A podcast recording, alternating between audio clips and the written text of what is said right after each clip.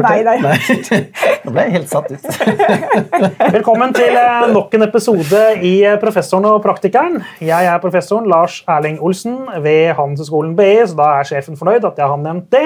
Og ved min side står praktikeren, mangeårig bransjeveteran Alf Bendiksen.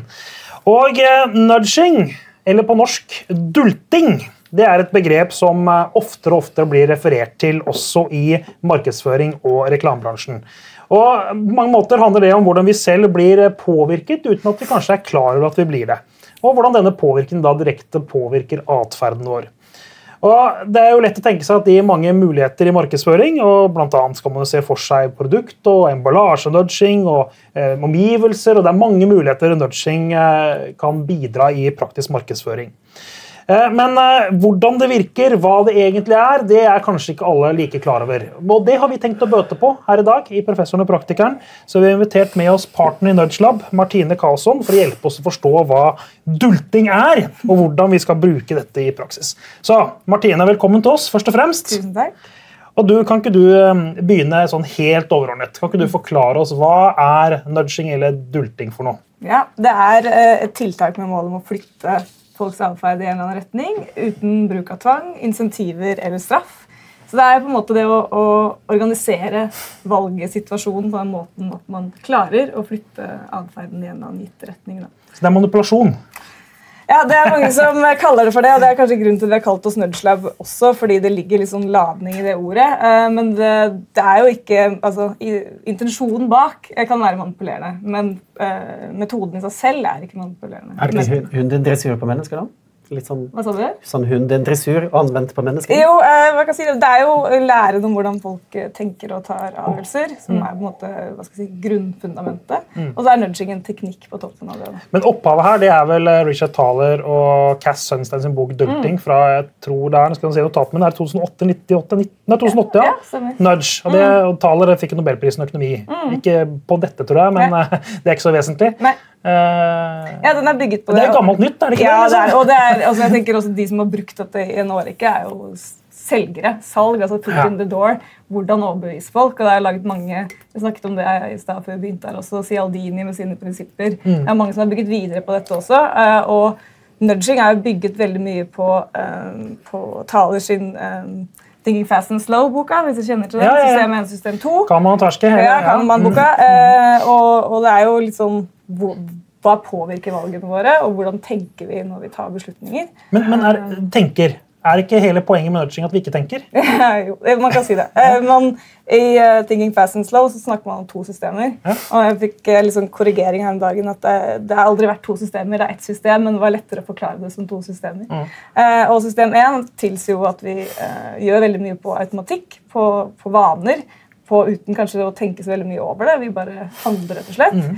Uh, og system 2 er liksom de overveide rasjonelle i gåstegn. Gjør oss mennesker til mennesker. ikke Yes, sant? ja. Ja. Kampen mot naturen. Ikke sant? Ja. Og, og det tilsier at 95% av valgene vi tar hver dag, gjøres i systemet igjen. Altså Mm. på automatikk. Som vi ikke er klar over. Ikke sant? Uh, Eller som vi på en måte bare på autopilot gjør. Da. Og da er det sånn, hva, hva skal til for å bryte disse, disse valgene Så, til noe annet. så dulting og nudging er på en måte en system 1-teori, da. Eller system 1-teknikk. Ja, det er i hvert fall det, Hvis man skal være sånn opptatt av som markedsfører, da, hvis 95 av valgene våre tas i system 1, så er det kanskje derfor, der man skal fokusere. Mm. Men så er det også andre ting. altså Vi i Nudgelab som jeg kommer fra, jobber bl.a. med bank, og noen ting eh, er også en system 2-valg. Mm. Det å ta opp et lån for eksempel, eller begynne å spare til pensjon er definitivt en ting som krever mye mer kapasitet av oss, Mm. eh, som er system 2-valg. Så det er også ting man kan gjøre for å påvirke. Men, men er det det? Altså helt sånn Du jobber med bank. ja. Er, altså jeg tror nok at en del kunder selvfølgelig reflekterer Ja. Mm. over disse tingene. Men andre er kanskje sånn DNB, ferdig. Ja, På valg av bank? Er ikke bare valg av bank, men Ja. sånn DNB, lån, ferdig. Ja. Ja, Det er så uinteressant beslutning. da. Og da, og da kan jo, altså Selv om man kan tenke seg at det er en stor konsekvens, så kan jo fortsatt nudging bety noe i både valg av produkt og bank hvis Mm. man ikke er interessert. Absolutt. Og det er jo enklere man gjør ting, er bedre. Vi snakker mye om at ethvert valg man tar, er en potensiell barriere. Så mye av det vi snak, eh, jobber med, er jo å redusere barrierer. altså Redusere egentlig valgene du må ta da, for at du eh, ender opp med å ta, ta en beslutning. Så eh, man ser jo det at det kommer jo mange konkurrenter til tradisjonelle banker også, som er veldig mye lettere brukervennlige. Eh, som spiller rett opp og rundt det du sier, at ok, skal, trenger bank å være vanskelig.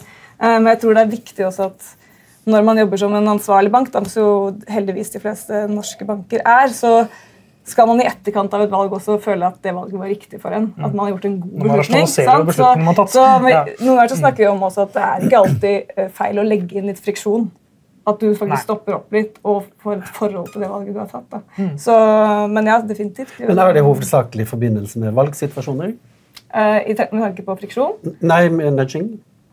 Ja, altså, eh, Når vi snakker om nudging, så snakker vi jo om det å få til en atferdsendring. Få til å flytte atferd, altså effekten av faktisk endring. Eh, så eh, I våre prosjekter så er vi jo så veldig opptatt av å ha et utgangspunkt. altså et nullpunkt. Hva er atferden i dag? Hva er det folk gjør? Og hva vil vi oppnå? Og så prøver man å endre litt. Ja. Nettopp, så eh, Kjernen i sånn vi gjør prosjekter, er jo det å oppnå en, viss- en form for effekt. da.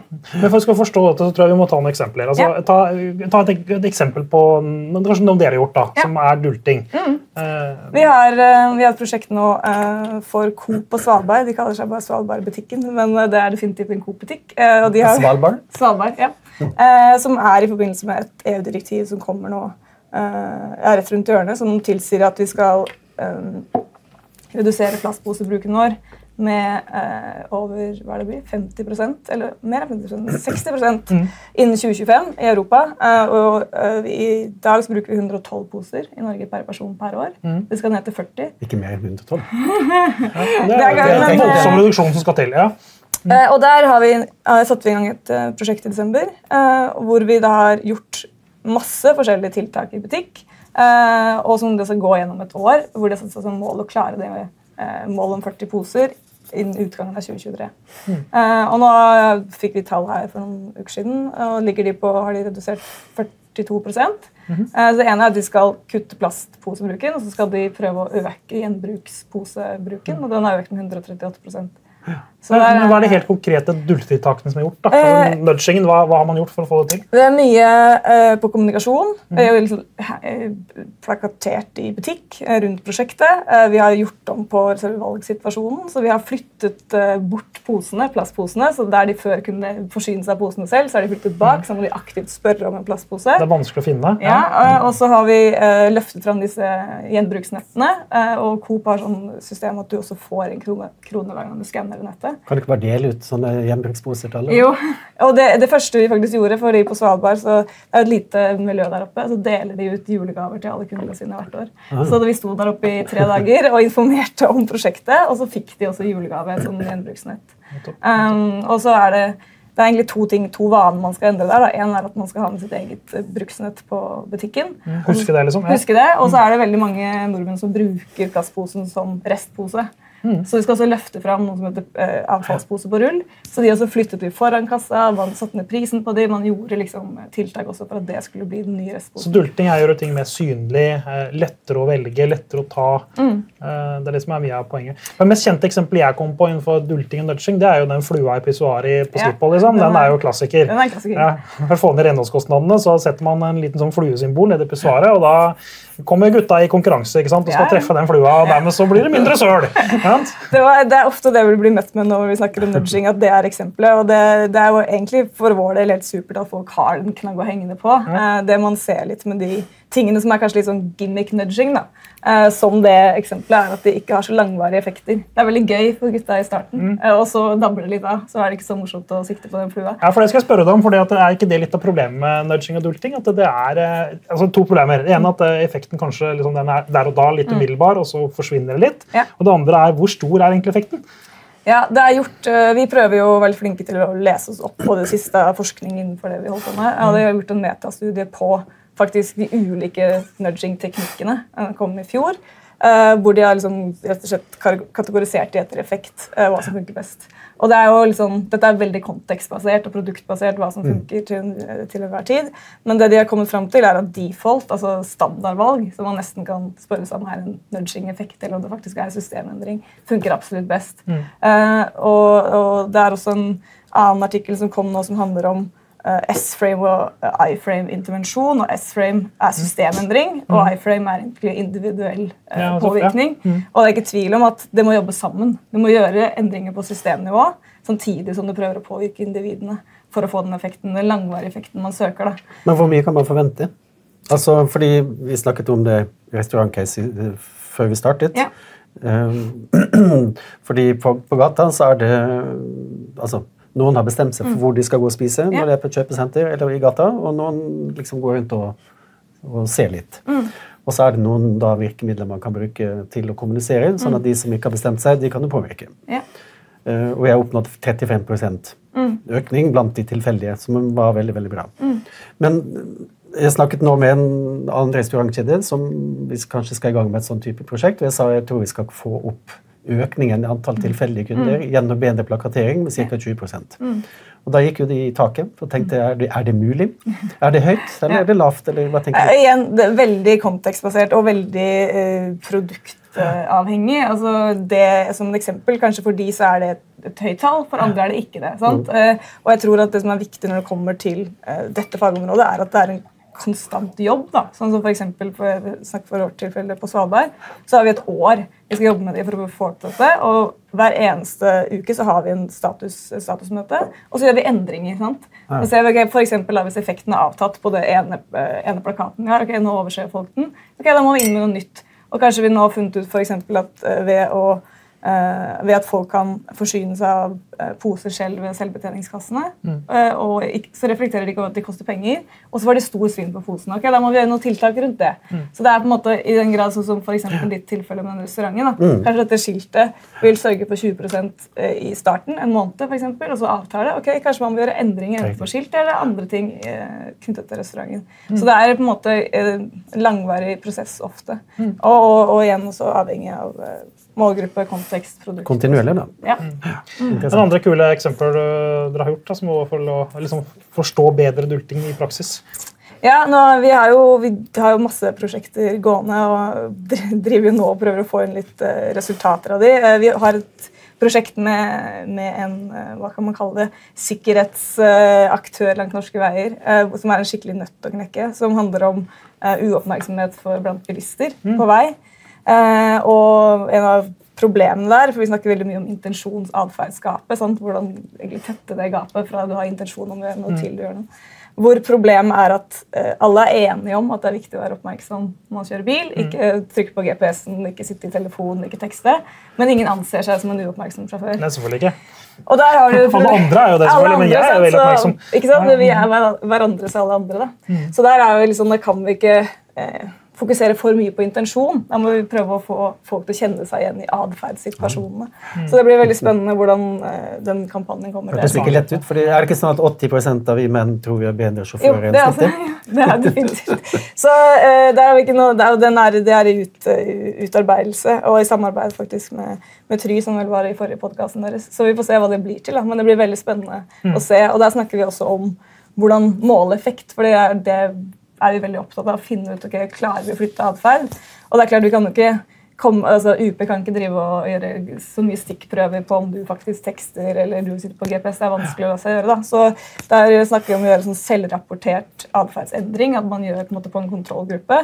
Hva gjør de før vi setter i gang? Eh, rapporterer på hva de holder på med, og så setter man i gang kampanjen. og så gjør man den samme testen. Man kan etterpå. Ja. Det er litt sånn metodeproblem med det, vil jeg tro, men det er jo for en interessant diskusjon. prøve, prøve, Prøve en proxy, ja, ja. Jeg satt og tenkte, Man kan jo montere kamera i bilen. da.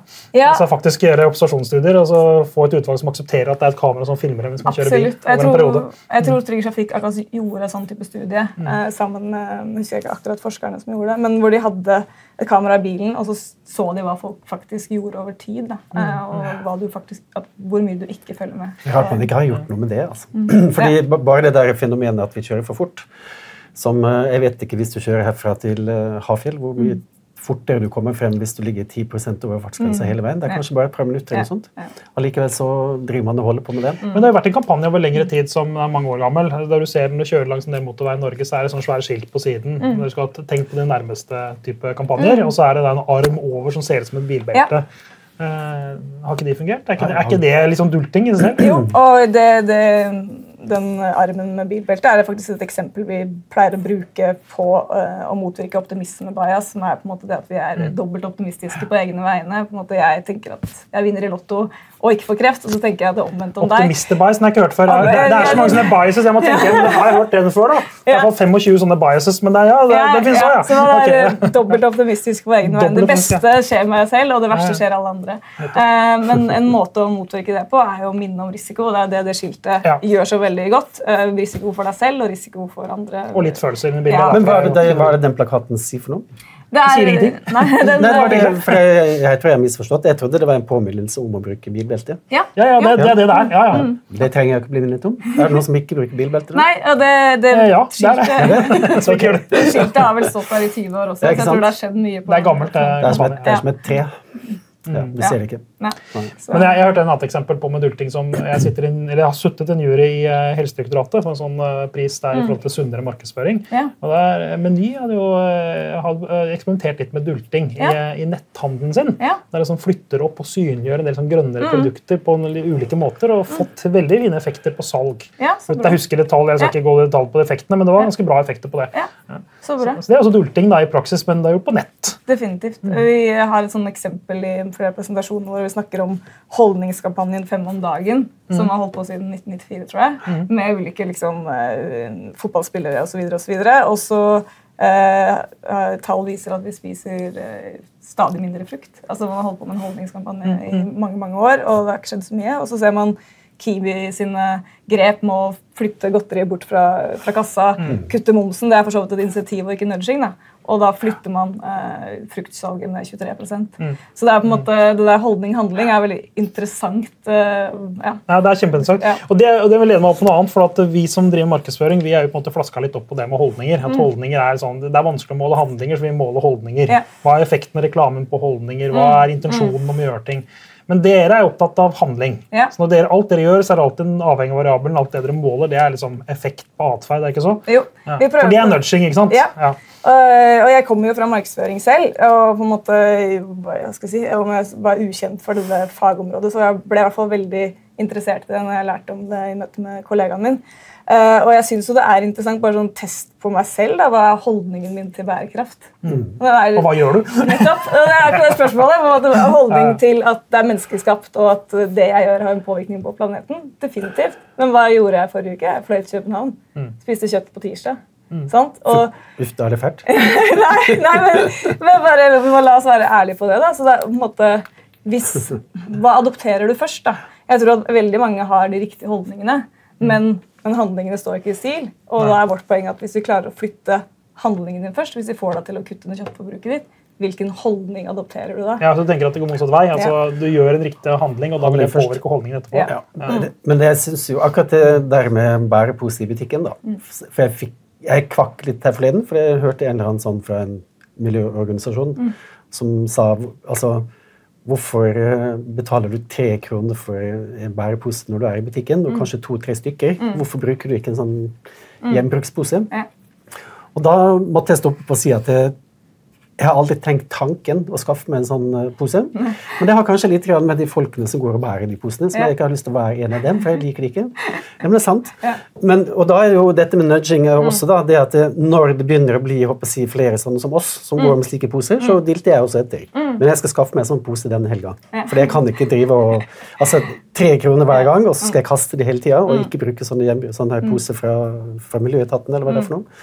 Så, men, men da er vi inne på dette her med å gjøre ting populært, som også er en form for nudging, som, eh, som går på at uh, hvis det er bare noen få som driver med en ting, så er det ikke så altså Det er en grunn til at Ja. det er få, men hvis Ja. det plutselig er veldig mange, Ja. og det er mange sånne som du liker, så Ja. gjør du også det. For da dilter vi etter. Det er sånn social hurling-teori, det der. Mm. men det- gjør det det- som stammen og, og folk gjør rundt deg. Ja. Gjør du det samme, ikke sant? Ja, og så tenker jeg at kanskje det spesielt bærekraft og klima. Det er veldig mange som eh, hva skal jeg si, har et horn i siden på Greta Thunberg og ikke liker henne for det hun har gjort for den måte, identiteten rundt det. sant? Eh, jeg, jeg, liker jo at hun sier sånn det er, men, men, jeg tror at det har kanskje ødelagt også mye på klimakampen. Selve identiteten.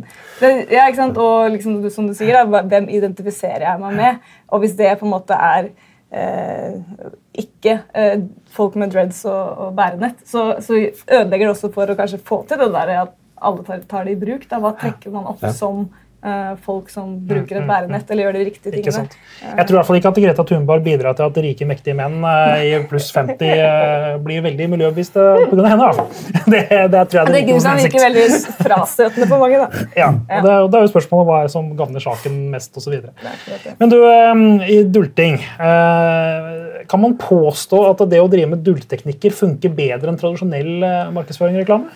Er det, er det, eller er det en påstand som er litt sånn vanskelig å bevise. Ja, altså, skal ikke jeg kaste mitt eget fagområde, markedsføring, under bussen, men jeg tenker i tillegg til. da, mm. Verken eller. Jeg tror det, jeg tenker det er et kjempepotensial for å samarbeide. altså, Nå er det noen som snakker om at man må være kjent for å bli valgt. altså, Det er, det er en eh, superfin symbiose der. da. Mm. Eh, så jeg tenker at man trenger ikke å velge det ene over det andre, men jeg syns jo at markedsførere har øh, hva skal jeg si, et stort potensial til å være opptatt av valgsituasjonen. Mm. Eller sånn siste eller ja, ja. som vi snakket om før vi begynte i dag.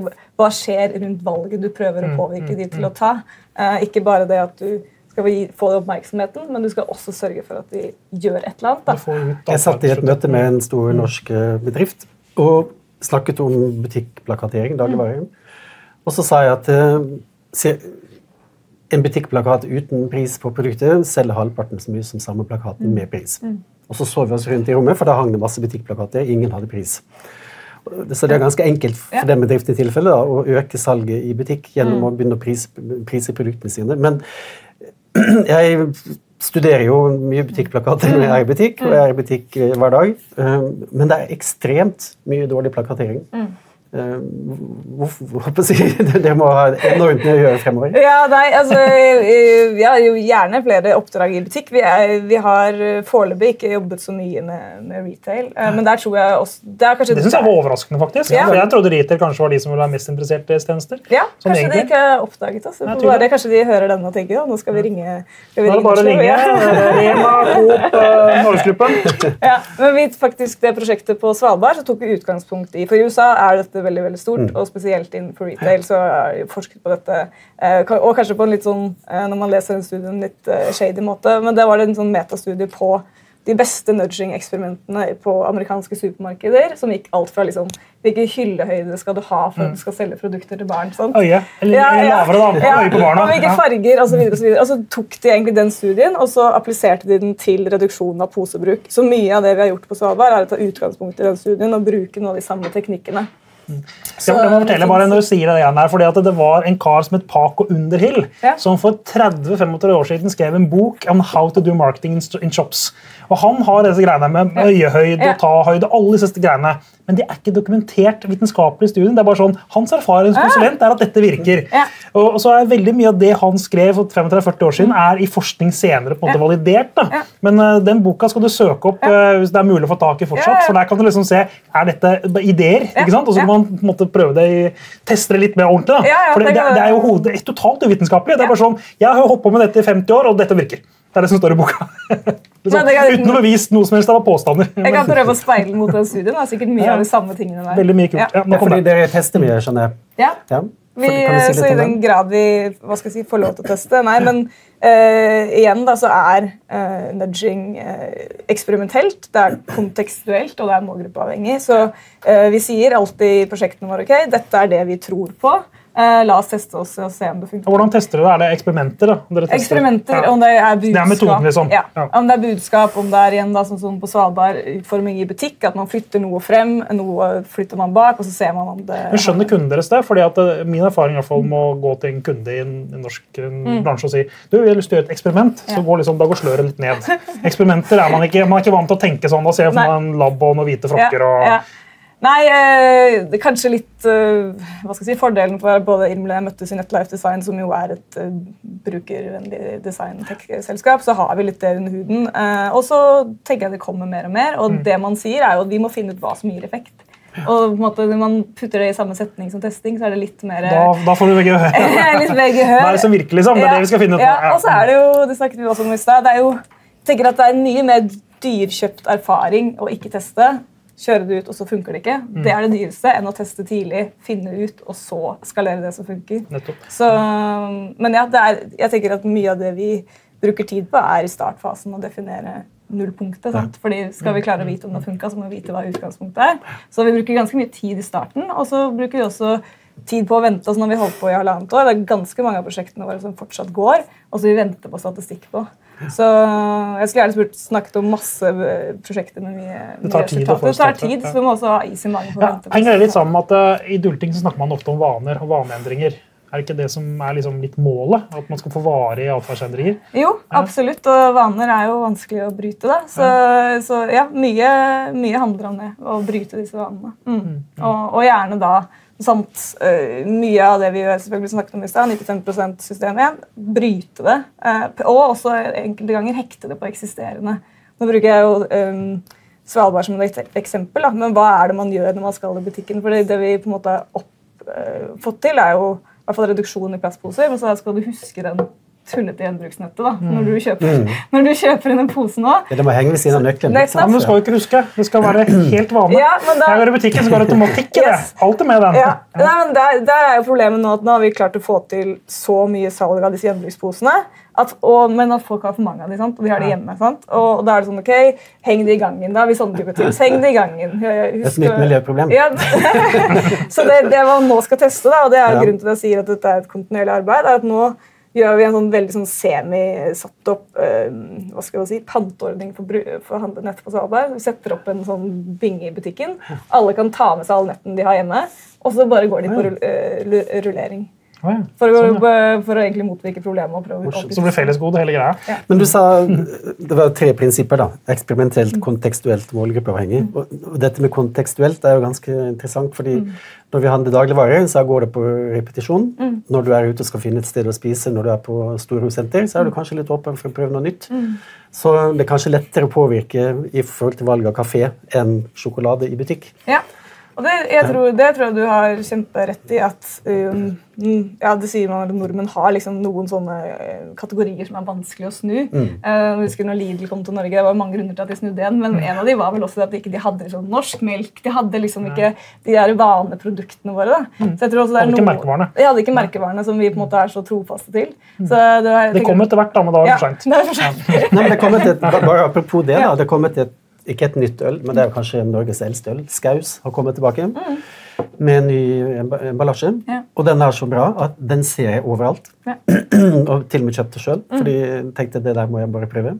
Og det, og det er jo en kategori som altså, ja, Det har vært veldig mye selvfølgelig nytt, for det kommer øl fra hele verden som eh, ikke nødvendigvis er så veldig mye bedre, men i hvert fall fryktelig mye dyrere enn norsk øl. Men, men det å komme og bryte i en sånn kategori med et gammelt merke Alle vet liksom Skaus bryggeri, eller kanskje ikke alle som vet at det var et bryggeri, men det heter Skaus i hvert fall der nede på Grünerløkka. Og så har man gjennom eh, et helt annet eh, pakningsdesign som vi, vet, så vidt jeg vet er laga av Bjørn Rydbakken, som er genialt flink. Som er han fyren som kommer med disse to trauene med øl ikke sant, gående på rød bakgrunn og skiller seg ekstremt ut i hylla. Altså. Ja. Og eh, har forandra kategorien, så vidt jeg har skjønt, da, ganske betydelig. Ja, og pakningsdesign. Altså, det, ja, I markedsføringsteori, som dere jo kan veldig godt, Byron Sharp altså, Det er jo noen ting rundt nudging som definitivt gjenspeiles i pakningsdesign. Ja, Eh, og det er jo på en måte valgøyeblikket. Fargekoder som dult, ja, dulting. Ja. Bli sett, bli sett Ja. i hylla. Mm. Mm. Eh, og var tydelig og lett å forstå. Absolutt. Mm. Men jobber dere med det òg? Pakningsdesign? Vi, ja, det, vi har ikke vært vi skulle gjerne gjort. Vi er, vi er liksom uh, Med et lite firma oppstart. Ja, vi ja. Ikke alt ennå. Men vi, men vi er gratis konsulenter nå. Ja, Vi har er masse gode ideer på hva de kan drive med. Det er content marketing-kampanje-style. ja. Vi dulter nå Ja. alle seerne til å tenke nudgelab, men ja. nei, men Det der du sier om eh, vi snakker om pakningsdesign, det å se en merkevare på 20 meter Mm. når du er i dagligvarebutikken. eh, Fordi Hvis du går rundt i dagligvarebutikken med merkevarebriller, så er det ikke så veldig mange du ser på 20 meter. Men de som du faktisk gjør det med, de har jo tenkt mye mer brand Ja. i, i pakningsdesign enn Ja. individuelle forskjeller på pakningene sine. Freya er jo, dominerer jo hyllene med gullfargen sin noe helt enormt. Ja. Og det, jeg hadde besøk av henne her. Så det er en form for nudging, det også. Absolutt. absolutt. Og der er tenker jeg er superviktig å være tydelig i det valg, akkurat der du står og velger. da. Men i masse kom, da. For, I og med at det er først og fremst mm. atferd du påvirker. på jeg tror det var på 1980-tallet. Uh, Reklameguruene Fred Jensen og Leif Myhre Jensen og Borkenhagen, laget en kampanje for sparing med skattefradrag uh, som heter Gjør det-kampanjen. Og Det var små annonser med kjendiser som gjorde det. Som, og det er jo egentlig en form for nudging-kampanje. blir det ikke det? Altså, jeg gjør det, Ja. så da må du Ja, også gjøre det. Absolutt. Og et av de liksom, prinsippene der tenker jeg var liksom, sosial konformitet. Det å på en måte lage en, en norm rundt den riktige atferden. Eh, og si at ok, dette er det de fleste gjør, så du også burde gjøre det. Og da er man veldig opptatt av at jo nærmere eh, hva skal jeg si, jo nærmere situasjonen man kommer, valgsituasjonen, og jo nærmere du kjenner de som gjør det riktige, jo bedre. Eh, så jeg hørte at Dere snakket om det håndkleeksempelet her i stad. Eh, og det ene eksperimentet de gjorde der, var at man, det var for å få folk til å gjenbruke håndklærne sine på hotellrommet. Eh, og da begynte man først med å si ok, på dette hotellet så bruker folk håndklærne sine på nytt. på en måte, Gjør det samme. sant? Spar miljøet for vann osv. uh, og så gikk man enda tettere. Så sa man uh, på dette hotellrommet så bruker folk håndklærne sine på nytt. Og så flyttet man litt flere. Og så sa man den som bodde her før deg, brukte håndkleet sitt på nytt. Og da så man at man flyttet enda flere. sant? Så jo tettere du kommer Og- eh, Mer og mer personlig. Ja, Ja. Det neste var å bruke håndkleet til han som bodde før deg. Dette er, dette er en klassisk eh, Det er Chiellini sin, Ja. eh, sin forskning som Ja. ligger bak den studien dere, på- som er jo kjent i hans bok 'Influence', som Ja. er jo mange år gammel. Og Vi nevnte tidligere systemet system 2. Ikke sant? Vi hadde Kahneman, Tversk i Kahneman sin forskning, som er jo tilbake til 70-tallet. på disse tingene. Så dulting har jo eh, Det er jo greit, det oppstår 2008 som et begrep med, med Richard Thaler og, og Sunstein, men, men det har jo vært kjent i tiår. Og Likevel så har vi behov for å lage en podkastepisode om det. fordi det er såpass ukjent. Hvorfor er det sånn da? Hvorfor, hvorfor er ikke dette slik at norske markedsførere dette er liksom helt, dette, dette vet vi. Dette har visst, dette er en, Jeg vet ikke, nå gikk ikke jeg på din skole, men på Markedshøgskolen hvor jeg studerte og gikk ut i 2010, begynner å bli noen år siden nå, så hadde vi jo ikke dette. Da hadde du meg. ja, ikke sant? Det stemmer. Men det, vi hadde jo ikke beslutning og bedømming. Eh, Det hadde du. Nei, det hadde jeg. Jeg vet ikke hvilken linje du gikk på, så jeg er litt usikker nå. Ja, jeg var, eh, var kanskje ikke så flittig student, men jeg hadde husket det. fordi vi, på, I Nødslem så har vi tre professorer som vi har som Jeg tror kanskje rådgivere. ikke, to, Hvis du gikk i 2010, så tror jeg nok ikke at uh, Thaler hadde rukket å komme inn i pensum. Men, men system 1 2 har, Ja. har du Ja. vært borti. Det er jeg ganske sikker på. Ja, ok. Ja, da har jeg kanskje glemt det, da. Men, mm. men jeg har fulgt um, Vi har tre rådgivere i Nudgelab. som eh, To av de underviser på Psykologisk institutt, og han siste eh, underviser på BI, faktisk, i da, organisasjonspsykologi. da. Ja. Men jeg har fulgt kjenner han, en kollega av meg, det, vet ja, du. ja, Ja. Og, og hun ene, Anine Rige, underviser i beslutning og bedømning på, på Blindern. Ja. Jeg har fulgt det, det studiet et halvt år nå, bare for å ja, få det litt under huden. Og eh, det er jo enormt mye potensial å ha den, den type kunnskap inn i markedsføringsfaget. Sånn, Ja. hva, hva påvirker folks beslutninger? Hva, hva gjør at folk bedøm, hva, Hvordan bedømmer vi situasjoner? Men det er en veldig, opplever jeg, da, eh, kanskje svak eller ikke tilstedeværende link mellom akademia og næringsliv på sånne type ting. Ja, og det er det jeg vil frem til litt, for det, det er nok riktig at det, det var et, et skifte på dette for la oss si 10-12 år siden. Eh, Så du var nok akkurat dessverre litt for tidlig. Eh, Men, eh, men eh, i dag, eh, på, på min institusjon blant Mm, annet, men også de, på institusjoner som mm. kollegaene mine jobber på, Mm. så er dette, dette er helt standard. Dette er grunnleggende pensum i forbrukerarbeid. Vi, er, vi bruker masse eksempler på dette. Men, men vi ser jo samtidig akkurat samme situasjonen som du sier, at vi ser ikke at praktikere helt eh, liksom, har catcha det nå. Nei.